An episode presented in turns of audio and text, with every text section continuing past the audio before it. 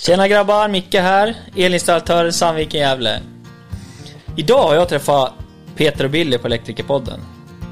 På måndag träffar de Sandstedts El i Jönköping. Men han kommer på måndag och det är han ni får lyssna på. Ja, nej, bra Micke, snyggt. Så är det, det är faktiskt Patrik Sandstedt. Som ni ska lyssna på Ja. nu. Precis. Vi, vi tar upp individens ansvar. Jajamän. Så, I ett eh, eh, större bolag. ja, Eller mindre bolag också. Individens ansvar. Det har ju vi också pratat om idag ju. Ja, det är sant. Mycket. Mm.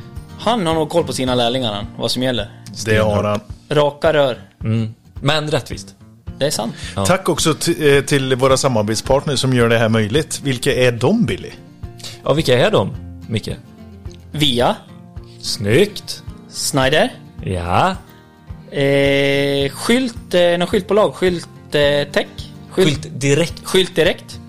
Alltså, Beställ dina använd- skyltar, kommer dagen efter. Så är det. Ja, använder du skylt direkt? Eh, det händer. Ja. Smidig. Ibland. En gammal hemsida. Den ser ut som eh, kurv, men är skitbra. Kvaliteten är bra. Ja. Det som kommer ur det, leveransen, till dagen efter. Ja, det är riktigt, riktigt bra faktiskt. Molto bene. Mm. Och du använder ju Schneider också. Eh, I dina villor. Mycket exakt sa vi va? Jajamän. Eh, så det är ju välkänt Ja. företag. Och Vias mejslar ska vi prova. Ni Ja. hävdar att de är bra. Jag vet inte om de är bra. Mm. Ja men eh, du, då ser vi till att du får ett par mejslar. Nej! Jajamän. Åh, Så är det. herregud. Men då vill lyx. vi ha något uttalande om det också. Men det är självklart. Det är alltid Ja. så. Ja, det är bra. Får man något, det respekteras det. Jajamän. Bra. Det bra, Tack för detta Micke! Ja, tack. Tack. Hej. Om el, om el, en podd som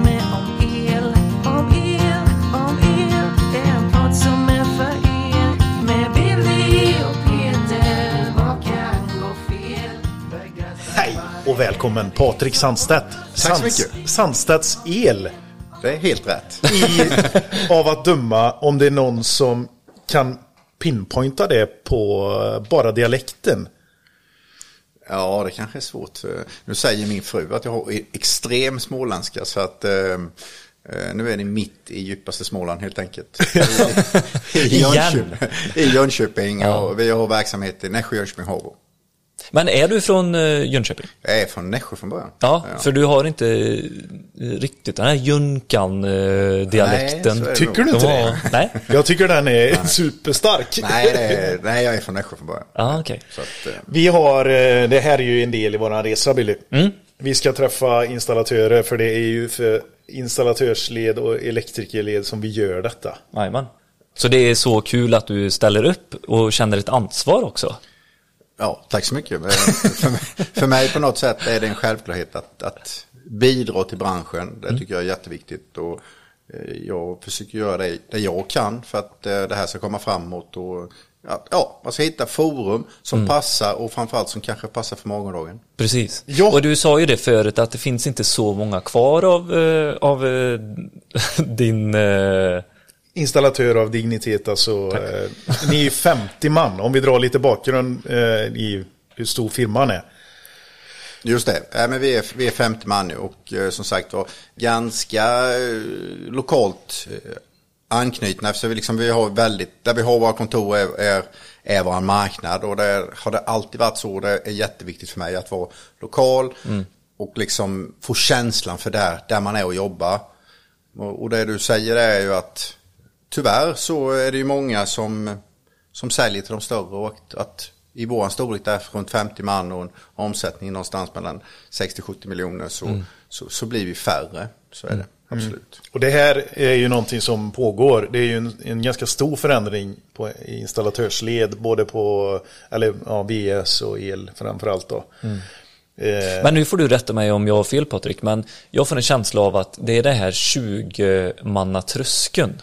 Alltså mellan 15 och 20 man kanske inte jättestor skillnad så på, på men man ska ta sig igenom de här åren och sätta de eh, liksom kunderna och den basen för att sen kunna jobba vidare upp till 50 och jag tror det är många som stannar där och inte riktigt ja, orkar med de åren som är så tunga när man börjar få eh, en ganska tung löne, löneryggsäck och dra liksom eh, med hela verksamheten.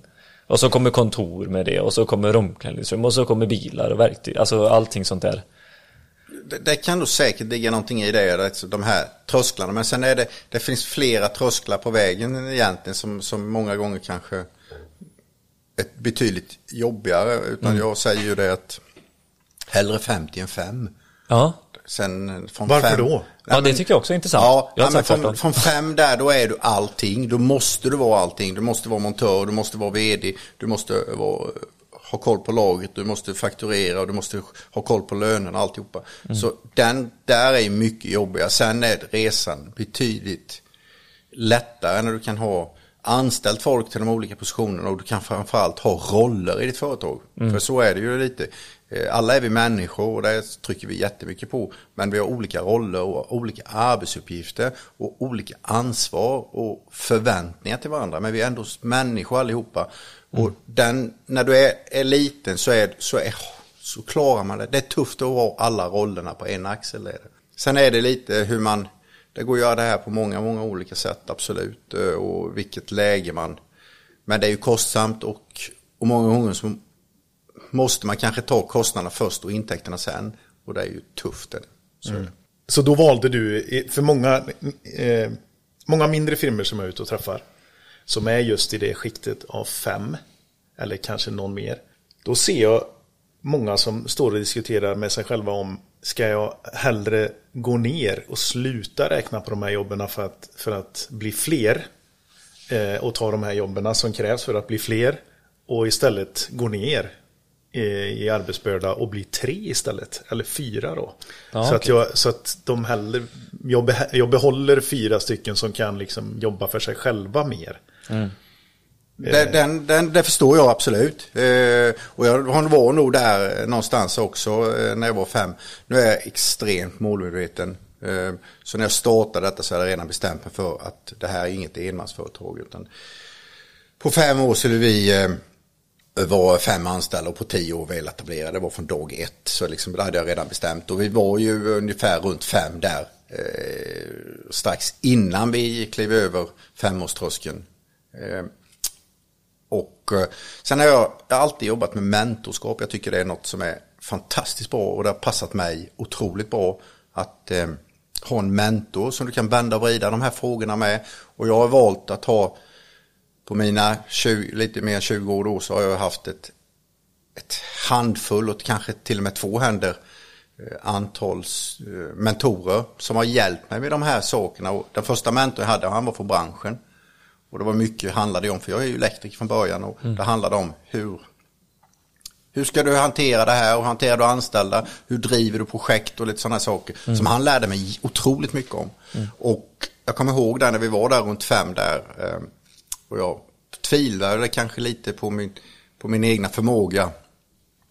Och eh, stod i det valet som du säger att ja, ska jag bromsa eller ska jag gasa? Och jag har ju eh, alltid kört med gasen i botten och så reglerar jag farten lite med, fot, med bromsen då helt enkelt. Så att jag håller emot lite med bromsen istället men släpper aldrig gasen. Så eh, då eh, bestämde jag mig för att eh, liksom, bromsa inte min grej för det, jag var ju inte så gammal då. Det, runt där 2004 så, så kände jag att bromsar jag nu så kommer jag ångra det hela mitt liv utan det är gasa som gäller. Så att då tog vi lite strategiska beslut, jag och min mentor och liksom tog den nya planen egentligen för hur jag skulle hantera detta. Och, och eh, jag valde att göra ett förvärv så att eh, från fem så blev vi tio på, på en dygn. Mm. Och det liksom var ju mitt sätt att ta tröskeln och det som jag sa innan här att jag tog mina kostnader först och intäkterna sen. Jävligt tufft men eh, eh, det var lösningen för mig. Men hade du jobbat upp en så pass eh, kassa då innan eller var det verkligen eh, det steget eh, har jag faktiskt inte hört så många som har tagit just det på, förvärvet. på fem år På femman. och eh, fem anställda Ja. så bygger man ingen kassa. Nej. Absolut inte. Utan jag belånade allt jag hade. Eh, mitt hus, eh, rubbet belånade. Så jag var, jag var belånad över öronen för att reda ut det här helt enkelt. Så Hade du jag, familj då? Ja, det hade jag. Ja, eh, vad heter det? Jag hade en sambo och, och min eh, första kille föddes ju 05 i samma veva. Så att, eh, Så 0, du startade ju 00. ja, Så 05 efter fem år så var det gasa eller bromsar, Ja. du valde att gasa, Ja. förvärvade en firma på femman. Ja, de var ju, eh, jag tror att de var tre var de Jaha, okej. och vi var fyra. Sen anställde vi ett gäng lärlingar där i samma veva så det liksom under Ah, 05 okej. blev vi tio man där. Och egentligen, eh, vi klev väl från, från fyra till, till åtta då i, den här affären fick jag med en tjänsteman med då. Han var otroligt ja. duktig på, på kalkyler. Eh, han var 59 år när jag köpte det och eh, han eh, svarade mig att när vi började inleda den affären så svarade han mig att eh, Finger skulle sluta imorgon. Han var kvar hos mig till han var eh, 71 år. Oj, Fan, du han fick en skoj ny att jobba med då. Ja, Va? utmanande kan jag tänka mig. Så att eh, han var ju, eh, han jobbade hos mig i 12 år. Ja. Som anställd sen då efter han hade valt att sälja. Ja. Det här är alltså eh, shit alltså. Ja. Det är ju som att jag skulle nu då med mina, mina barn som är fem och tre gasa upp här och, och köpa en, en firma. En elfirma tycker jag känns som bland det svåraste att, att sköta. Att bedriva. Mm. bedriva. Det är så mycket ni ska stå i. Ni ska både vara projektledare, arbetsgivare, eh, säljare, eh, terapeut. Men det är det jag tänker Patrik, hur hittade du din roll efter det förvärvet och de Ja, men lärlingarna? det var väl då egentligen som jag kunde släppa montörsledet om man säger så. Och Okej. eh, vi delade upp det där lite eh, första året och han, han var duktig på kalkylen, han Mm. gjorde kalkylen och jag, jag blev arbetsledare, projektledare om man uttrycker Mm. det. Sen 2006 så anställde jag en projektledare till då och jag inte får gasa lite till Mm. då. Vi delade på segmenten lite till där och delade upp våra ansvarsområde. Så att, eh, Men det låter också ganska dyrt i min värld. Ja. På tio man och ha två tjänstemän. eh, ja, tre var vi ju till och Ja, med. tre till och med då. Vad brukar man säga? En projektledare Ja, men på tio gubbar? Vi växte rätt hårt där och eh, visst, ekonomin var inte den bästa. Så att, eh, men eh, jag hade bestämt mig. Du hade ett mål, du hade ett Ja, tydligt mål. ja, jag hade tydligt Men, och det, det kom du fram till tillsammans med det här mentorskapet Ja, men alltså egentligen hade... var det väl redan från start, dag ett där så hade jag målet att vara väl etablerad på tio år. Ja. Men vad är att vara väletablerad då? Ja, men det var nog ett, ett att ha ett starkt varumärke. Det, var, det är viktigt för mig och det är fortfarande viktigt för mig och jag har haft en, eh, redan från starten, en, en väldigt tydlig, hur ser vi ut, hur, hur ska vi bete oss och, för det är viktigt tycker jag. 2000 då när jag startade så var det inte lika viktigt i branschen. Det har ju blivit, vi har ju på de 20 åren har ju det verkligen utvecklats att man, ja, hur du klär dig och hur du, hur du, hur du förhåller dig till ditt varumärke har ju blivit mycket starkare på de här 20 åren. Och det var inte lika starkt när jag startade. Men jag hade en tydlig bild och jag gjorde en folder och hur det skulle se ut och allt. Så att alla har sett likadana ut i 20 år hos oss. Liksom. Det känns som du inte har varit rädd för att liksom kavla upp ärmarna och göra jobbet som krävs. Det kanske är en förutsättning för att lyckas också under de här åren. Alltså Men du har lagt den tiden som behövs. Ja, men man ska klart för sig att, att oavsett vad man håller på med, oavsett vad man bestämmer sig för, så handlar det om att utgå från sina egna förutsättningar. Det är jätteviktigt. Man kan inte leva någon annans dröm, man måste leva sin egna dröm. Den är jätteviktig. Och den, den måste man ha med sig hela livet egentligen. För att det farliga är att vi skapar oss förebilder i sådana här forum. Att det där skulle jag också vilja göra. Men man har inte de rätta förutsättningarna. Och då är det livsfarligt. För det är det otroligt lätt att man bränner ut sig. Både kroppsmässigt och ekonomiskt. Och de är jag ju mest rädd för om man tittar på folk som bestämmer sig. Att liksom tänk till. För vi behöver entreprenörer. För det var lite, vi inledningsvis pratade lite om att vi, vårat ägandeform blir färre och färre. Och det som oroar mig mest det är ju att, att det blir färre och färre entreprenörer. För vi behöver galna entreprenörer i, vårans, i, i, i vårt Sverige. Oavsett vad man väljer för bransch så behöver vi galna entreprenörer som vågar, som kan belåna hela sitt hus och äventyra för en sak man tror på. Den är jätteviktig. Ja. Nej, Det var ja, bra. det- Fick nästan lite gåshud sådär. Ja, jag Alltså, satt där och funderade på vad, vad ska du göra imorgon? Billy? Ska du banka något öppet på? Nej. Nej, starta en firma över vecka. Mm. Ja. Nej, det är skithäftigt och, och inspirerande. Och, och vet du vad, jag tror det, just det här med mentorskap som du pratar om, det är nog ganska vanligt i de större städerna. Så eh, runt omkring, alltså Göteborg, Stockholm, eh, Malmö, ja men Jönköping är ju inte heller jättelitet så sett så.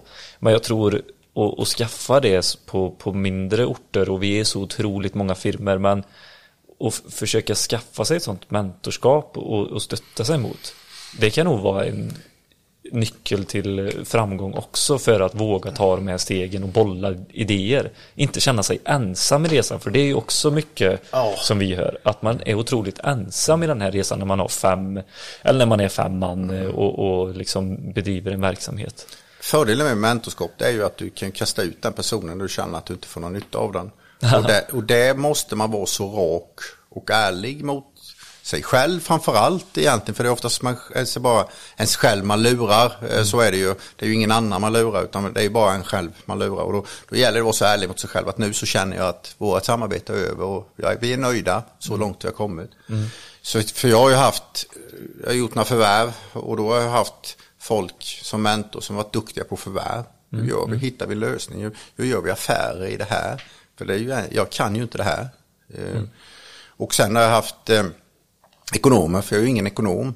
Och lära mig struktur, ordning och reda. Hur, hur, hur driver jag en organisation på ett så bra sätt som möjligt och korrekt eh, som möjligt också. Liksom lite med, vi startade ledningsgruppsmöte där under 07 egentligen då.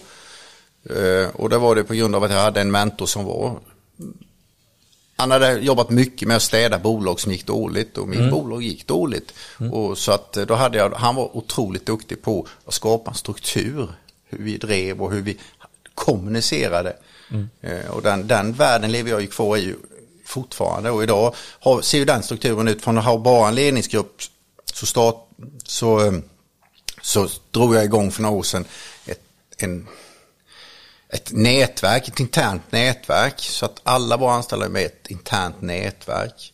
Just det, det Eh, pratar du om ja. Ja, och då, eh, då handlar det ju mycket om att ledningsgruppen har ju då en viss dagordning och sen har vi eh, nätverk inom entreprenad där många projektledare, kalkyl och ekonomi sitter med.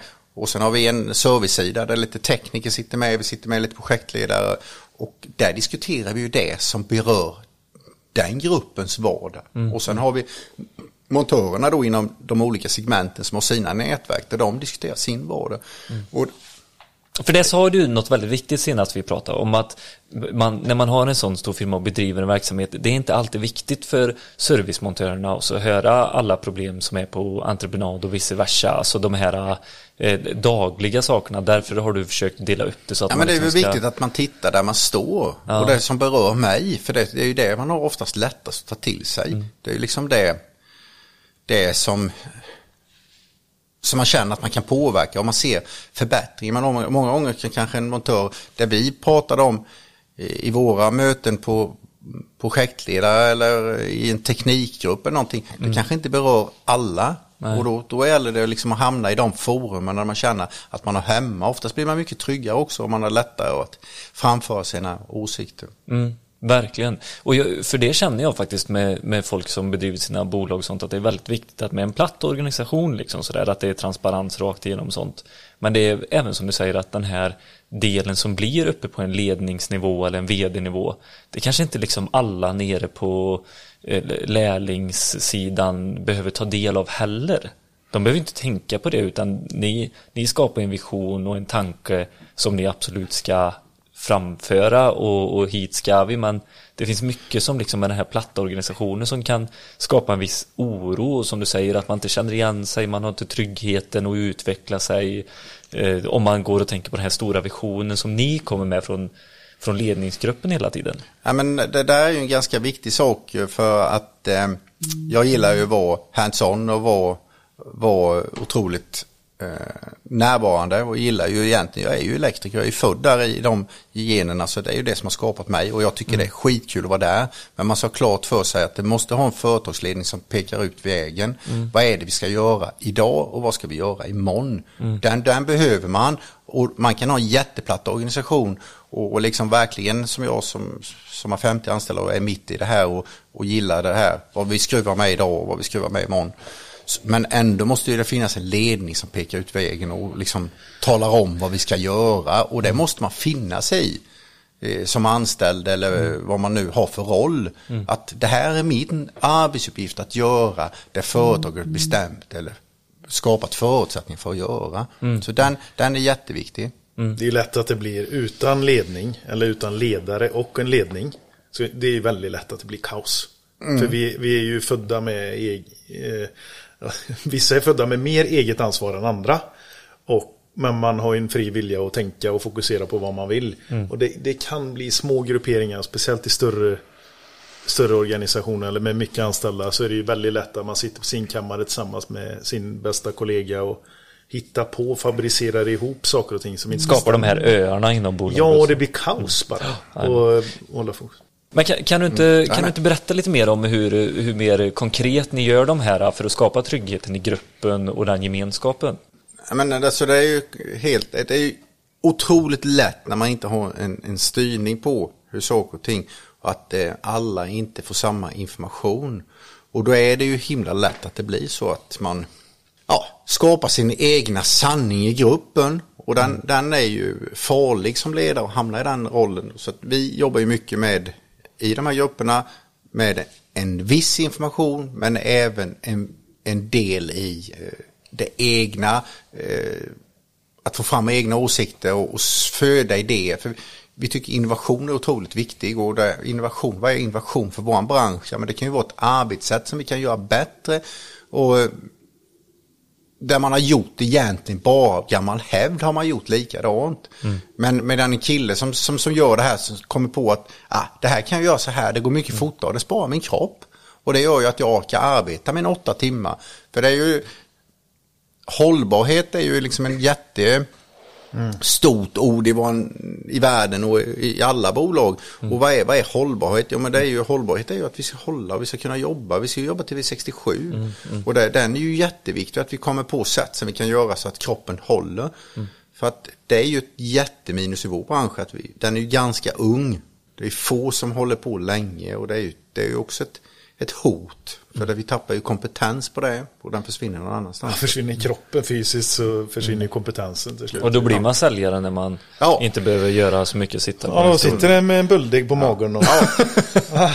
Men eh, det, den, naturligtvis så är det ju en del i branschen också. Ja, så lyckas så vi det. behålla dem och få dem där så är det ju också jättebra. Men det bästa som hän, kan hända det är att man försvinner helt från branschen överhuvudtaget. Så Ja. att, eh, men det, där, det, så jobbar vi mycket då att ja, skapa små innovationer i de här grupperna. Man kan tycka och tänka och är man en liten grupp så har man mycket lättare att säga sin åsikt och framförallt kanske en grupp där du känner dig trygg. Det är dina kamrater som du arbetar med varje dag som du kanske lunchar ihop med eller ser eller har kanske till och med eh, umgås med på fritiden så blir ju den åsikten mycket lättare att framföra. Den blir ju inte så Absolut. eh, det blir inte så mycket dumma åsikter och ingen som sitter och skrattar åt dig. Så att därför har vi brutit ner det i små grupper och framförallt att du är där du hör hemma. Vart är du aktiv i dem?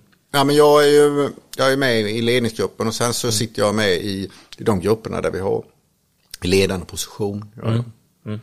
Eh, Där är jag ordförande i de, de grupperna där. Sen så är jag inte delaktig i för att jag tror att, att jag ibland kan hämna utvecklingen helt enkelt. Så att, eh, Jag tror inte det handlar så mycket om dig. Utan det handlar nog mer om din eh, auktoritet, position. Så kan det vara. Samtidigt så, så är jag ju där varje dag.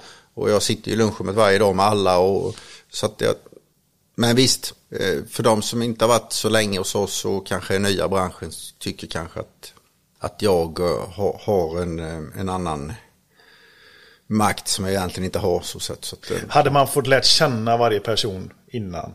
Om man hade fått ett sånt här samtal innan så hade man ju inte börjat med en auktoritet, en ställning och, och tagit eh, perspektiv emot. Nej, Det hade man ju faktiskt inte. nej. Håller du inte med om det? Ja men det, så, så är det ju absolut och det, det, det försöker jag väl sudda ut och det är som jag säger. det är ju att, eh, jäkligt starkt alltså. Det tycker jag är skitbra jobbat. Men som jag sa innan så är vi ju människor allihopa. Eh, Men sen har vi olika roller och olika ansvar och olika förväntningar. Och Ja. Av vissa hos oss förväntade sig att man säger nej eller talar om hur man ska göra i vissa lägen. Och det är ju liksom rollen och den får man ju inte blanda ihop med människan. Nej, nej, nej. människan är ju, det är ju den individen som är och den beror ju lite på vad du har för uppfostran och vad du har för bakgrund som, som skapar människan. Är det någonting man saknar Peter som elektriker? Det är det här, du vet, att kunna känna när man säger så här, det här är ett riktigt bra virke. När man tar i någonting, det har jag alltid varit avundsjuk på snickaren liksom. Ja, precis. När man, du vet man kan känna att grejerna är Ja. naturliga, bra, luktar Doften ja, jag tänker gott. mycket på doften. Kombinerat med känslan mot huden. Ja, exakt. Ja, men det är precis den känslan som jag tänker på också. Och då, då var, jag kände så här 2019 där när MP-bolagen kom ut med sin eh, Z4-stege, vet du. Då, då tänkte jag så här, är det nu vi får våran egna, vårt egna liksom virke när man känner det här, är- det här är ett bra virke. Ja, det var faktiskt flera som, eh, som ringde till mig och sa precis samma sak. Äntligen har den kommit. Ja, precis. Nu kan vi vara stolta över något i våran bransch. Ja, det var en bra vinkel på det. Jag har faktiskt inte tänkt på det på det sättet. Men den känns väldigt bra i handen. Nej. Och den doftar väldigt bra. Ja. Ja, Eller doftar den ingenting? Det är ju det, den har ju mindre miljöpåverkan nu ist- istället för det här med att det är så mycket zink att man doppar i. Jag tänker att det kanske är mer naturligt att den inte doftar. Ja, precis. Att, att doftar den inte Det- så ger den inget ins, på, på, ingen påverkan mot naturen.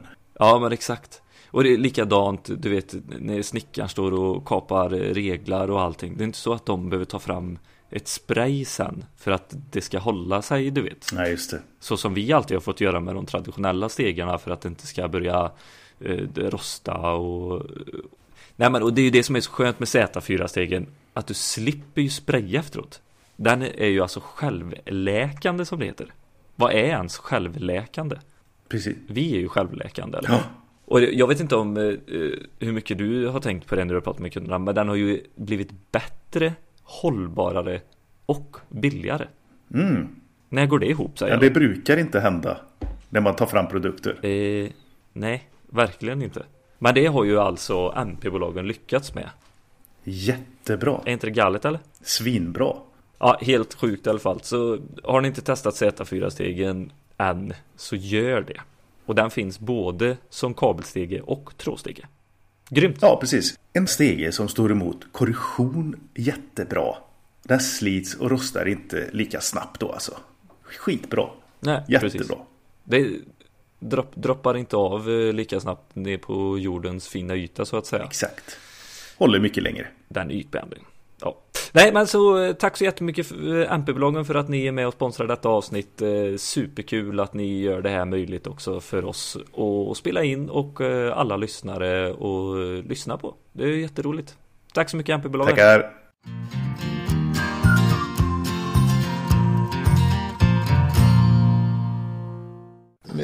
Om jag får gå tillbaka lite. När du själv startade, för du startade helt och hållet själv va? Ja. Ja. Från dag ett så var du själv. Och sen anställde du din första kille någon gång, eller tjej? Ja, ja, han anställdes ju för eh, exakt 20 år sedan i oktober. Så att, eh, Jaha, okej. Grattis till Ja. den om han Är kvar? Han är kvar. Han är kvar? Ja, ja, mina två första anställda kvar har jag. Och de har ju eh, ledande roll i bolaget idag. Mm. Projektledare bägge två, på entreprenad bägge två. Där, så att, Ja. Vad var du duktig på som montör? Egentligen ingenting. Nej men alltså min, min, Vad kan du, vad är din, eh, liksom... Eh, men min styrka är ju egentligen att eh, jag är duktig på att jobba på helt enkelt och är otroligt målinriktad och ger mig ju aldrig förrän jag är liksom i mål. Och det är, det är egentligen, Du måste ju Jaha. säga struktur också. ja men alltså jag, För det är tror ju det- men det kanske är det han har lärt sig Ja med men det, alltså, så är det nog säkert att den har nog kommit med tiden. Sen Ja. är det väl så att min stora styrka är att jag har förmågan att jobba. Orken att jobba mycket och ge mig aldrig liksom. Utan jag är, jag är en nötare. är Jag, så att det är nog egentligen min stora styrka. Och det var det nog som montör också. Jag var duktig på att jobba på och jobbade länge och hårt helt enkelt. Så att det, det, är, det är egentligen min enda styrka. Sen har jag var jag nog ingen fantastisk elektriker egentligen. Utan, eh, sen har jag ett otroligt intresse för, för vår bransch och tycker den är otroligt viktig. Och det är därför jag sitter här idag. För Det är ju för, jag gillar ju utveckling, det är ju liksom det, det som driver mig. Och eh, liksom, det är ju därför jag, gillar egentligen inte att titta tillbaka så mycket. Utan visst, man ska lära sig av historia, men det är ju liksom eh, det är ju morgondagen som är framtiden och i morgondagen vi kan påverka. Det vi har gjort bakom så kan vi bara lära oss av och ta del av den historien. Och, och förhoppningsvis inte göra samma misstag idag som i, som vi gjorde igår. För det är ju egentligen den enda lärdomen man behöver ha med sig. Men annars är det ju så att eh, det finns ju en anledning till att framrutan är större än backspegeln. För liksom, det är ju framtiden vi har framför oss. Så, och den, den vill jag vara med och påverka. Det, Och då- det är viktigt för mig. Då kommer jag in på eh, att eh, när du nu får in nya montörer eh, som är någonstans i 20-årsåldern och så ser man det här, kanske osäkerheten i början. Hur, hur tacklar du det? Lyfter du de montörerna på ett speciellt sätt eller hur ger du dem ansvar i början? Och...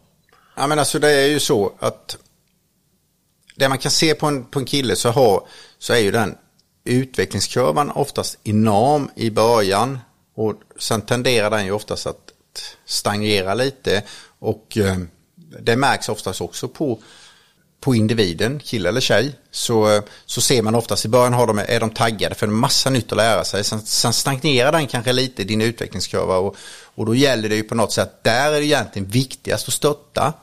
Att man ser att man fortsätter med den kurvan och kan motivera eh, sin personal till att fortsätta utvecklas. För att när du kommer från skolan så, så är ju allt nytt i stort sett. Och sen är det ju tyvärr är det så att eh, skolorna är väldigt olika. Man har helt olika förutsättningar och man har också förutsättningar på hur du tar det till dig kunskap.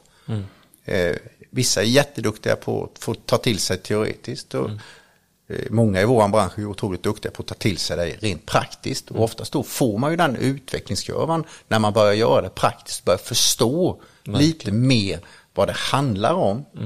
Men, men just när man tittar på de yngre, eller tittar egentligen på, på, på alla, de behöver inte vara yngre för de kan vara äldre som kommer ut, ut i vårt yrke, Ja.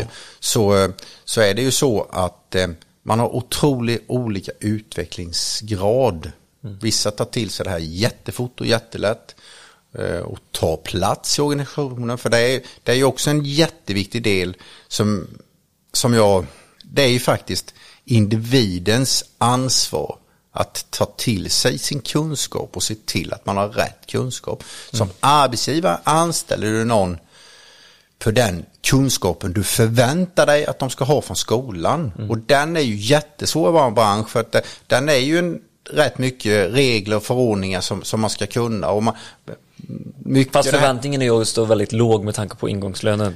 Ja, Alltså ja men så är det ju. Men, men just att du ska ha din grundkunskap i, i ditt yrke och eh, diskussionen är mycket det här att just kontrollera dina egna arbeten och, och vem som tar det ansvaret. Och det är ju faktiskt, hur eller hur så är det ju montörens ansvar att kontrollera sina egna arbeten. Och det är ju en del av vår yrke. Och framförallt är det ju egentligen vår yrkeskunskap som ligger i att kontrollera vårt egna utförda arbete. Och den är så lätt att glömma tycker jag. Och den, det, det är egentligen jättesorgligt att det är så.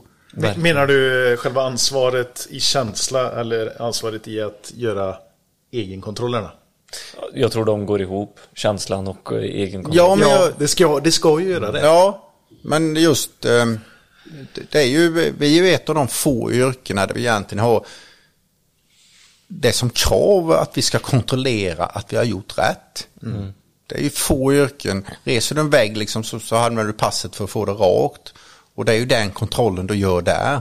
Men vi har ju så mycket kontrollsteg som man ska göra för att verkligen säkerställa att du har gjort rätt. Och det är ju egentligen det som är ditt yrke. Tänk vad kul att, att se snickaren ta fram en fuktmätare och mäta alla sina reglar som de sätter upp eller typ eh, kollar Just att eh, stålet här. eh, är av rätt karaktär innan du skruvar på gipsen och så säger gips, alltså alla de kontrollerna Ja. som vi har som du säger. Vi har sånt otroligt ansvar. Ja. Och det är ju, är ju en enorm yrkesstolthet och Ja. den, den ska vi vara enormt rädda om. Men det som jag upplever att det är det vi är rädda för. Ja. Och det borde vi inte vara. För är det något som vi ska vara stolta över så är det vårt egna kontroller. För det är ju det som är vårt yrke. Jajamän. Att vi har kontrollerat och verifierat att jag har gjort rätt. Och du lämnar ifrån dig det på ett papper eller en digital form eller någonting. Fan, det- det är ju som att du har eh, legat i säng med oss Patrik. helt Men underbart han sa faktiskt här innan att han har lyssnat väldigt mycket på Ja, det kan vi ju nämna att när jag ringde dig första gången Patrik eh, så, så hade ju inte du en aning om oss. Nej. Du gick ut och frågade några montörer men det var inte så många som hade Nej. koll på oss heller. Men då, jag ska, jag ska kolla så kan vi återkomma. Jajamän. Sen när vi eh, pratade med varandra igen, då hade du lyssnat på alla avsnitt förutom några teknikavsnitt. Ja, så är det ju. Mm. Och det var så kul för då, då ifrågasatte du lite så här, varför, ja, varför gör ni det här lite? Och, och det tyckte jag var väldigt skönt och Ja, det var jättebra. bra, alltså. Äntligen någon som var bara rätt på. Ja, Eh, jajamän. ja. Nej, men det, det är väl alltid så att jag vill ju veta lite varför jag ska göra saker och ting, Ja. vad meningen är och vad, framförallt vad målet är med saker och ting. För det är, alltså, är man målinriktad så behöver man veta eh, när är jag i mål, när jag är färdig. Jajamän. Eh, annars så blir det ju rätt meningslöst. Eh, sen kan man konstatera som egen företagare så är man aldrig i mål, för det där målet flyttar man fram lite. Det är man ju, jag är enormt duk, duktig på det där att eh, jag, jag kommer aldrig riktigt i mål för jag har alltid lite nya mål och lite nytt sätt att se på det. Och- Flytta gränsen om den börjar komma för nära lite, Så är det absolut. Men jag, jag, jag vill eh, stanna lite vid det här med hur man eh, lyfter eller hur man ska jobba med nya killar som kommer in. Vare sig du är liksom, du har anställda vid, vid, och du driver ett företag som är fem eller om ni bara är två. Alltså när man är två då har man ju säkert anställt någon som kan lite grann också själv. Och Ja, min första anställde. Dennis, han var ju lärling så att han... eh, Ja, det var så. Ja, absolut. Så att eh, det... Och han har ju blivit kvar hos dig. Ja, jajamän. Men, eh, Så han måste du ha gjort någonting med. Nej, men Skapat alltså, en det är- trygghet hos. Ja, men alltså det är väl lite det att det man ska ha klart för sig, alla passar inte hos oss. Så är det lite. Det, det, det, så är det och det får man acceptera.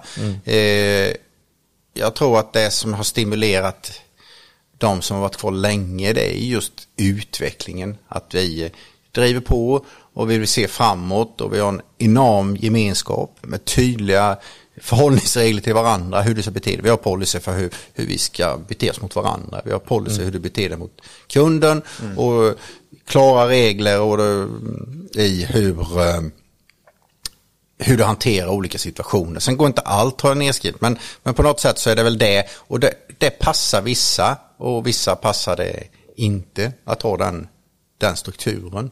Och eh, de som har varit för länge har det nog passat att ha den och att det händer någonting hela tiden. Jag är ju en, en kille som är ständig rörelse. Så att, eh, Men jag, jag tycker det är, jag gillar ju verkligen att jag är en strukturkille. Jag älskar att ha ordning och reda. Och för jag tycker att det är en sån grund i att känna sig trygg. Att ha liksom eh, ordning på torpet. Det är då man dig- kan utvecklas. Ja, för men- är det för rörigt och allting och det inte finns någon tydlig linje att gå efter eller en bra grund att stå på. Vart ska du då? Kommer, är vi 20 pers, kommer alla springa åt varsitt håll här?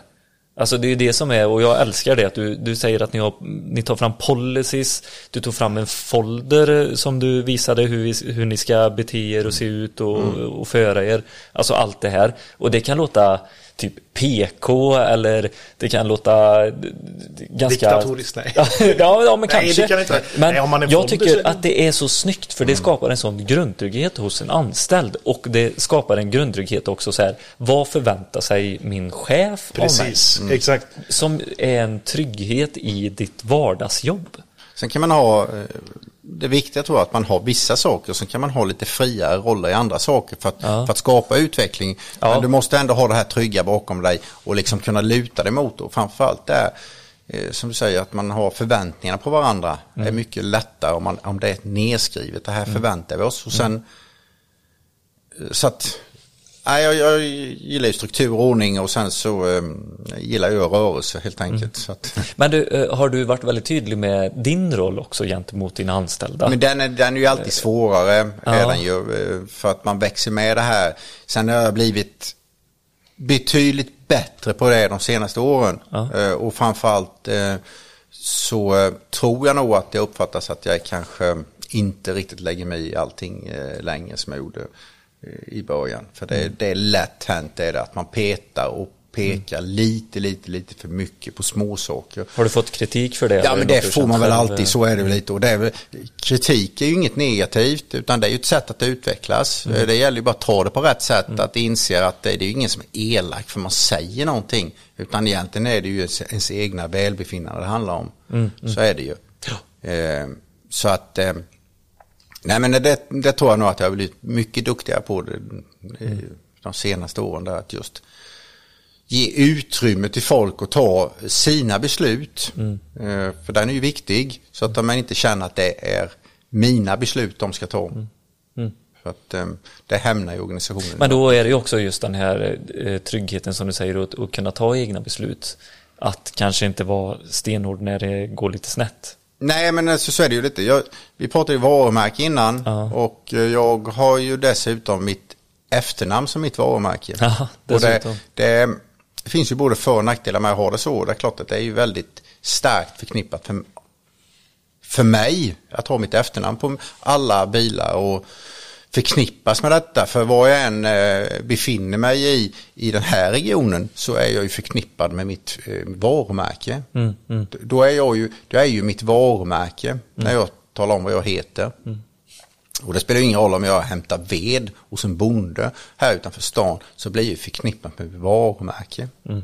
Och det är klart att den delen är ju så starkt bunden till mitt, eh, min själ.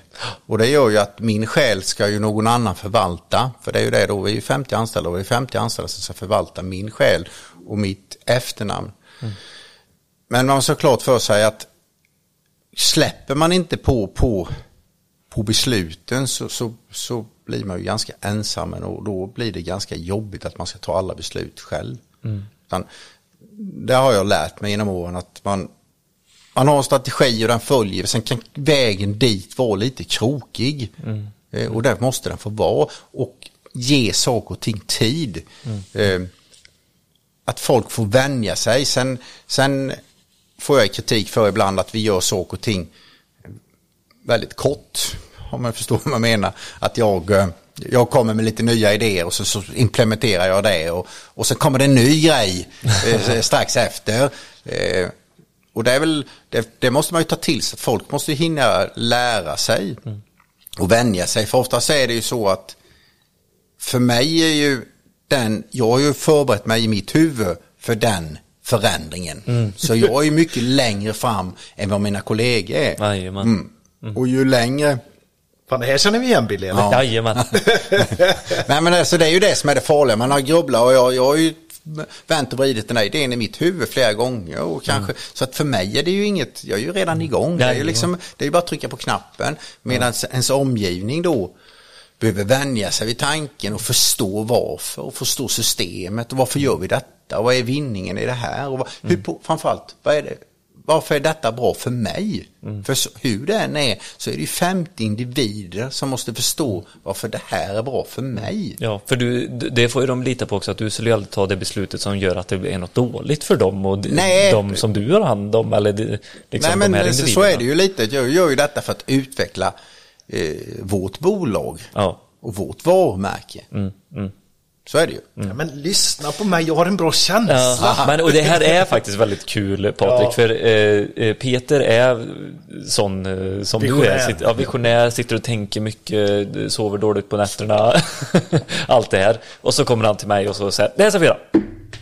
Jag bara, nej, vad? Så kan jag, jag bemöter ofta med så här lite irritation, bara, men vad, nej, vad är det här för något? Det har, vi, det har vi inte ens pratat om, det har vi inte sagt att vi ska göra och sånt. gör du inte längre. Men sen, nej, jag gör inte det längre för jag har lärt mig. Men i början så tog det typ så här några veckor. Så bara, nej men du jag har tänkt på det här, det, det kan bli jäkligt bra alltså. Eh, och så. Men nu så försöker jag bemöta det med så här. Men då, då är det ju viktigt att Peter inte är på nästa idé. När, Ja, du, har- när du har fattat vad han sa för, vad han sa för två veckor sedan. Och den är ju, det är ju egentligen en utmaning, då är ni två. Då Jajamän. är vi 50 som ska vara med på samma tåg. Eh, För att det där, eh, och det är ju framförallt det är ju eh, det farliga i de där eh, idépop-upperna, det är ju att man inte hinner få en ny idé. Så när, när ens personal eller kollegor eller vänner eller familj är, är med på första idén, då är du redan på andra. Eh, Och den är ju... eh, Nej, Jag har ju, du vet, det, det här är ju lite så här light ADHD. Så att jag springer ju iväg gärna då. Light. eh, och du kanske kan känna igen dig i det. Liksom man springer iväg och så bara, oh shit, jag fick en liten accept i alla fall. Så då spinner jag vidare på det, hur, man liksom, hur ska vi komma i mål här nu? Så nu börjar jag tillsätta saker och ting också. Ja, vi kan ju faktiskt göra det så. Och då har jag snackat med den, så den är igång där. Och sen är det igång, och gång, och gång, och gång. Och så bara, bopp! Är vi Och då- färdiga eller? Ja, jajamän. Nej, men, och, och det är en sån, eh, alltså eh, Peter är ju typ en sån upp här. entreprenör och visionär som, eh, eh, som behöver rätt folk runt sig. Peter hade inte Ja. varit någonting om inte alla hade varit rätt folk. Nej, men det är så. Och Jag tror det, inte han är ensam någon. För det, Nej, det, jag nej, nej. alltså, det, det är ju en, och den måste man inse. För det, det är ju en ganska god insikt i, i det här att jag behöver kunnigt folk runt omkring sig. Och sen spelar det ingen roll vad man sysslar med egentligen. Nej. För så, är det ju för min del med. Jag är otroligt kompetenta och eh, människor runt omkring mig. det har ju Peter också. Ja, jajamän. Ja, det, det tror jag med faktiskt. Grisar jag var egentligen. Nej. Ja. Nej, men det, det, så är det ju. Du behöver ju det. Och, liksom, och, och kom, framförallt tror jag det är viktigt att man kompletterar varandra. Jajamän. Ja, Eh, liksom, det tror jag. Och det liksom spelar ingen roll om man driver något tillsammans eller om man är arbetskollega eller vad man nu har för förhållande till varandra. Så är, det, så är det viktigt att man kompletterar varandra. Man får inte umgås med för många som är lik en själv. Gärna motsatsen istället. För att eh, jag vet ju att jag har personer i min organisation som är, som är tvärt emot mig. Och det är jättebra för min del. Jag trodde du skulle säga jättejobbigt. Nej, det är helt tvärtom. För jag vet att jag måste förbereda mig och vara så påläst i det jag ska göra. Så att jag kan inte bara harpla ur med någonting. Nej. Det kunde jag göra och, så, och det blev aldrig bra. Det har jag också lärt mig genom åren att ska jag få någonting till att verkligen sätta sig så måste jag själv vara otroligt påläst. Det kan inte, jag kan inte harpla ur med det på frukosten och göra det till lunchen. Nej, nej. Utan, Inte då. Nej men alltså det, det är frustrerande när man, Ja. em, absolut. Man det- märker ju redan den hårda vägen. Ja, att alla ja. de där idéerna, de, de kan ju mest bara irritera om du kläcker ur dem för snabbt och är yvig med dem hela tiden. Ja, plus med att de blir då inte så långvariga, de blir inte så hållbara, för vi pratade om hållbarhet innan. Och det är ju en sån sak som är jätteviktigt egentligen. För det är klart att en sån, i en sån organisation där det poppar, poppar upp nya idéer och sen gör man, gör man det fram till klockan 12. Och sen så eh, mellan eh, ett, ett och tre så gör man något annat. Så blir ju det, en, en sån organisation blir ju ganska jobbig för den, då är ju risken stor för utbränd, utbrändhet och att inte det blir så hållbart över tid. Så att det är ju viktigt att man hela tiden ger saker och ting tid och att det verkligen, man får chansen att prova det länge. En sån här resa som du har gjort då på 20 år så har du ju haft väldigt många intensiva eh, kreativa perioder. Och att du, då- att du då har valt elyrket, är installatör, perfekt. ja, men det är skitbra. För nu står vi här i elektrifieringen. Och vi måste tillsätta nya häftiga idéer för att klara av den här spänningen. eh, Nej men alltså jag säger det. och då Ja. måste du, du måste ju vara visionär både för din egen organisation och för dina kunder. Och du ska vara visionär och konsultande för de här ur dina visioner som du får i de här kreativa idéerna. Du måste ju applicera det någonstans liksom. Och då är det ju hos dina kunder ska du sälja in. Och i ditt eget liv. Så det också säljer in. Ska Men du alltså, sälja in? Hur jag- fan, hur fan? Nej men jag säger det, jag har ju världens bästa yrke. Jag har hållit på med det här jättelänge. Vi pratade lite innan vi började spela in ju att, att när jag började min yrkeskarriär så var ju det här ett helt annat yrke. Det var ett helt annat moment. Det bestod inte alls av samma sak som vi gör idag. Och det är ju det så, som är så häftigt. Och sen säger du Peter att vi står inför elektrifieringen. Och då är vi ju 20, snart 2022. Vad är det vi står inför? Då tänker jag ju oftast på det lite som lite att, ja, vad, vad har hänt i den tiden jag har varit? Så har det ju hänt otroligt mycket med mitt yrke. Från att vara väldigt smalt när jag började. För då var vi elektriker, då satte vi upp lampor och skruvade dit uttag och strömbrytare. Idag gör vi ju allt från att eh, driftsätta ett datanät och det ska vara redundant och det ska fungera så och vi är beroende av det här och det ska vara internet hemma och det ska vara uppkopplingar. Allt ska vara uppkopplingsbart idag. Eh, belysningen, bilen, eh, laddstolpen, allt ska vara uppkopplingsbart. Och sömlöst. Ja. Inte, inga trösklar. inte någonstans. Ska bara Nej men alltså då, då är det ju lite, då tänker jag så här, ja vad står vi inför? Och det är ju bara att konstatera att den här utvecklingen är ju bara i sin linda, trots allt är det ju så. så liksom den här, krä, den här branschen kommer ju kräva otroligt mycket fler visioner och framtidstro och utveckling. Och då funderar man ju på, det gör jag ju oftast att som elinstallatör, som elektriker, vad är innovativt för oss och vad vad är viktigt? För du kan ju aldrig, kommer en produkt så får du anamma den produkten. Vare sig du vill eller inte på något sätt så måste du förhålla dig till produkten. Men vad består vårat yrke av? Jo, men det består ju av tjänsten som du sätter ihop med den produkten som en leverantör levererar. Och så ska du sätta ihop den oftast då med en annan produkt som någon annan levererar. Och så ska du få det till en fungerande tjänst. Och det är ju den som är så häftig. Och då krävs det innovationer på hur vi gör det. Och det kommer krävas otroligt mycket kraft i hur vi gör vi det effektivt och hur får vi upp mer saker på en kortare tid. Och, och där kan jag uppleva att det är svårt som elektriker att hänga med. Och nu när vi står inför, eh, vi har ju pratat mycket laddning, eh, inte bara i podden utan även utanför.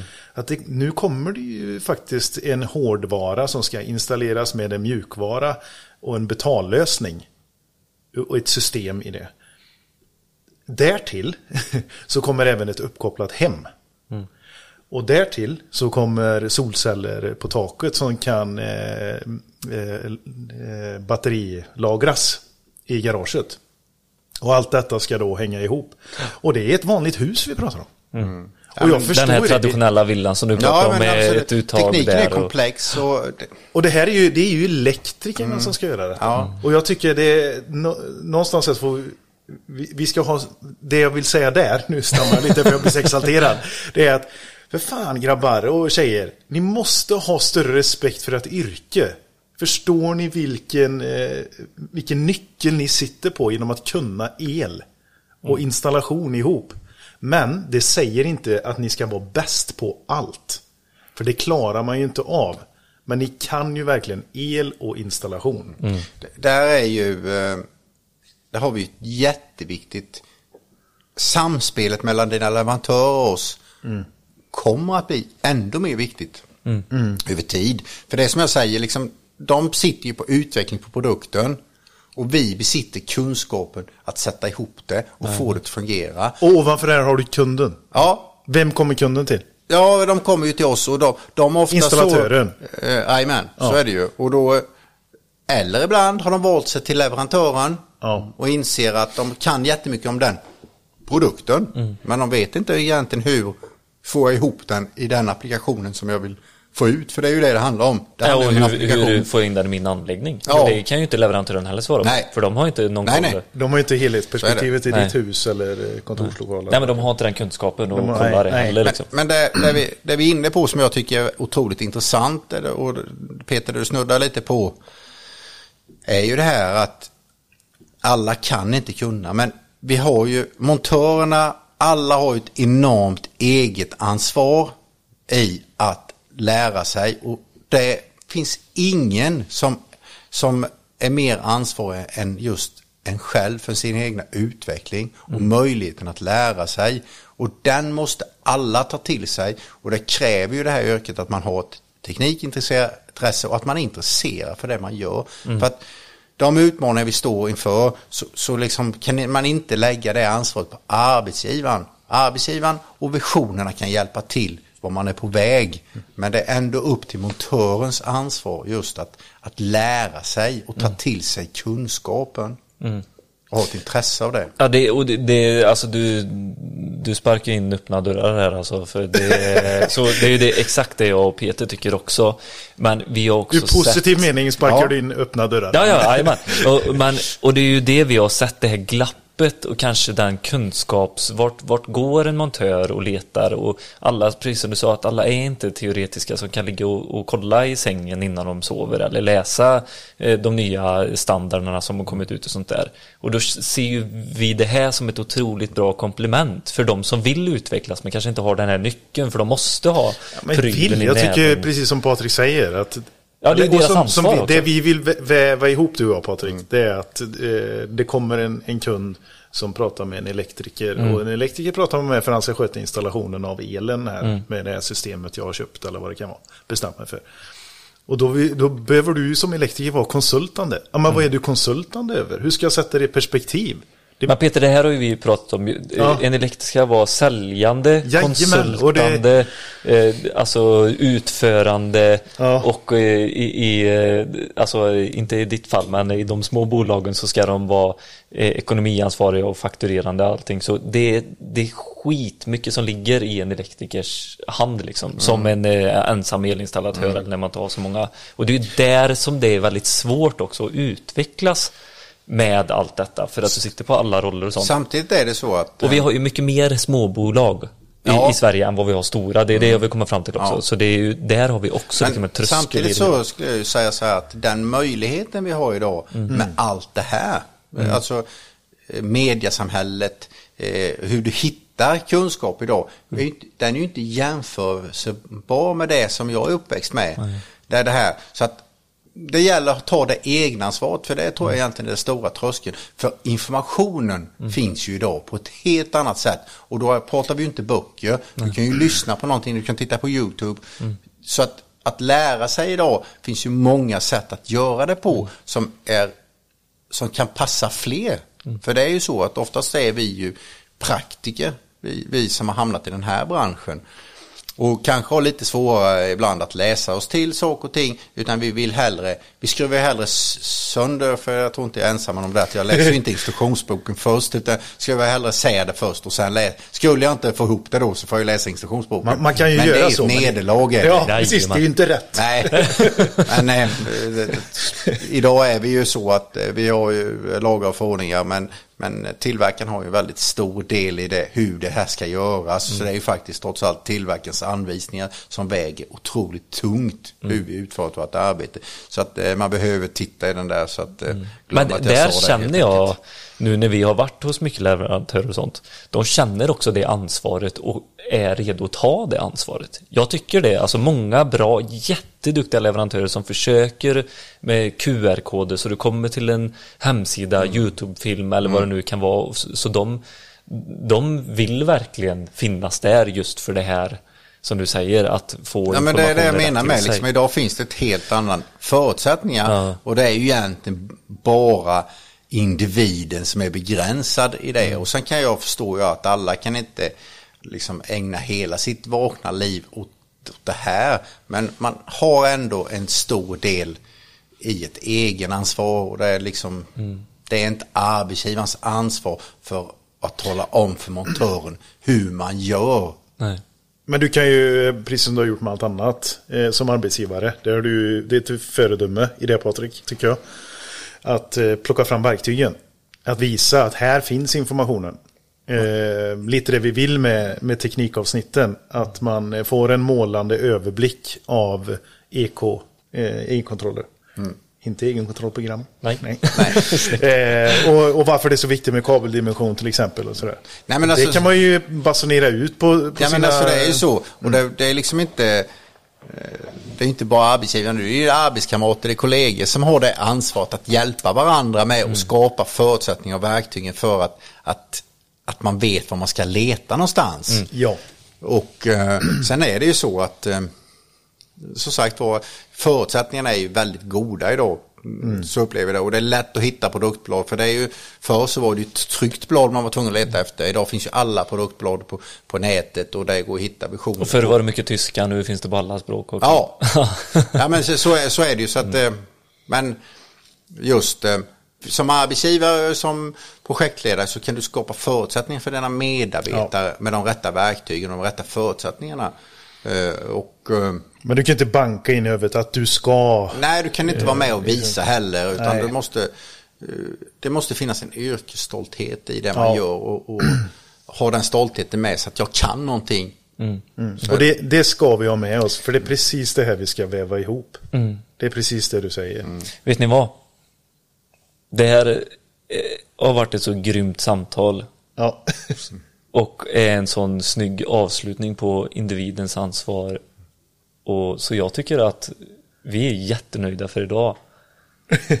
Så är det faktiskt. Tack själva, fantastiskt kul att vara här. Är det Eh, något som du vill lägga till innan Nej, vi men jag avslutar tror att jag har Patrik? fått eh, sagt det som jag, som jag vill få sagt helt enkelt. Ja, och jag tycker det har varit jätte, alltså så otroligt intressant att lyssna på hela den här, ja men vi, vi har inte varit inne jättemycket på din resa, men jag tycker du har gett så sjukt bra tips till dem som liksom för att utvecklas och eh, skapa ett bra bolag så som du har lyckats.